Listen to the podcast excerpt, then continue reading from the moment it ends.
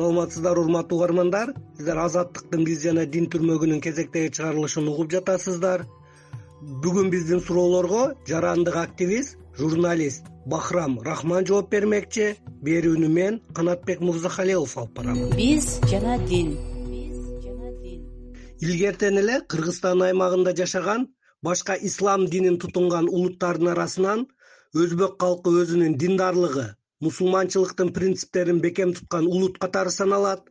Сиз өз улутташтарыңыздын диндарлыгын кандай этникалык маданий тарыхый өзгөчөлүктөр менен байланыштырат элеңиз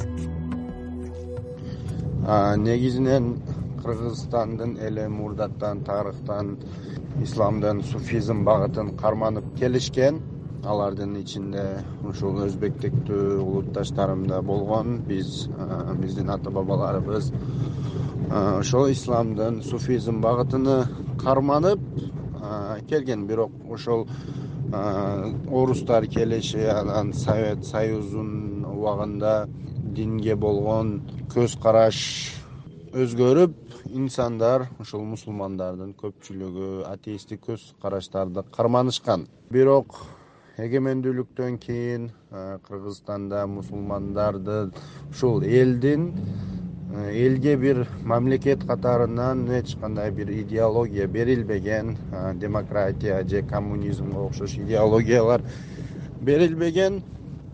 Бул идеологиялардын бош ордун ушул исламдын жаңы багыты саляфизм хизбут тахрир жана таблиг жамаатка окшогон немелер толтурган э, жамааттар толтурган. Э, азырда ушул өзбектиктүү жарандардын арасында э, диндарлардын өсүшү да күзөтүлүп турат. Соңку жыйырма жылда ошол мурдагы ата бабалары карманган суфизм эмес саляфизмди да хизбийликти да кармангандар көп азыр учурдагы диний радикализмге байланышкан маселелер өзбек жаштарынын арасында канчалык деңгээлде өстү же басаңдады бул көрүнүш боюнча байкоолоруңуз менен бөлүшө аласызбы? Мен өзүм айтып өткөндөй ошол элге ушул жаштарга бир идеология берилбегенин себеби жана жаштарды бир контроль кылып турган бир мекемелер министрликтер түзүлбөгөнүн себебинен жаштар динге өтө берилип кетүүдө. Жана радикализм албетте өтө соңку он жылдыкта күчөгөн. Өзбекистан ислам аракети террор уюму да буга өзүнүн таасирин көрсөткөн. Андан кийин ушул сирия окуялары сирия согушу башталгандан кийин ушул кыргызстандагы өзбек жаштарынын арасында радикализм саляфизм терроризм күчөгөн жана кыргызстандык өзбектер көпчүлүгүн түзгөн тавхид ал жихад деген батальон азыр деле бар сирияда согушуп жүрөт. Террористтик уюм бир ошол гана батальондун жамааттын өзүндө миңге жакын кыргызстандык ушул оштук түштүк жергесинен болгон өзбектиктүүлөр бар деп айтып келинет.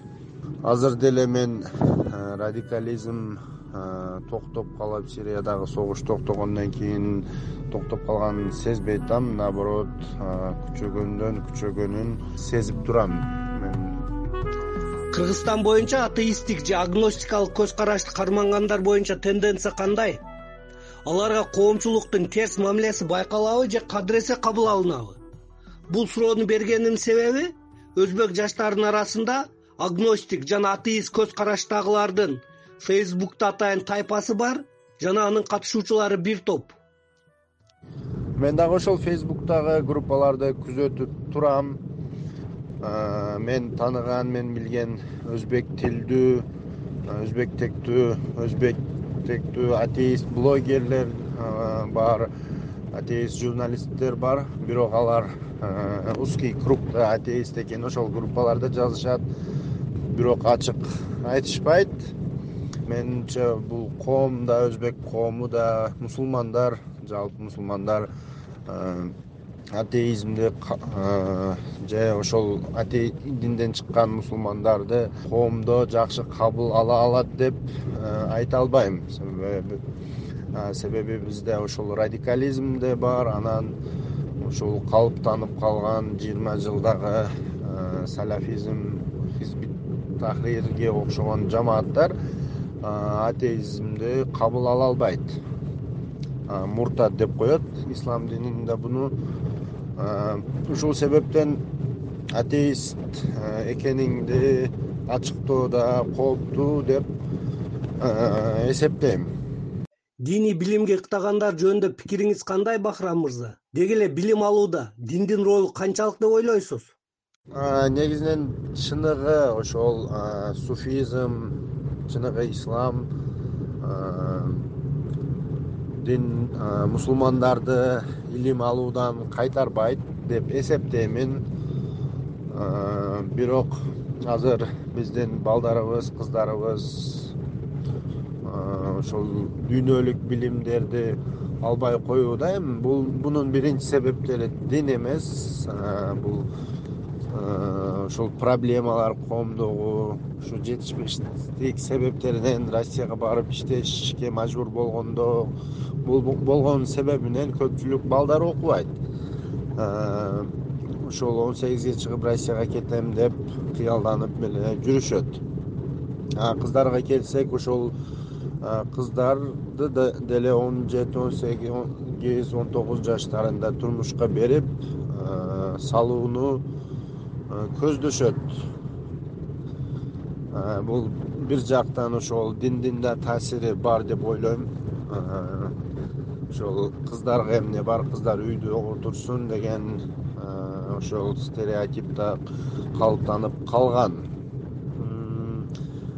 Бирок мухаммед пайгамбардын немелеринде хадистеринде билимге чакырган дүйнөлүк билимге чакырган хадистер өтө көп. Ислам дини мен эч качан билимге каршы дин дей албайм.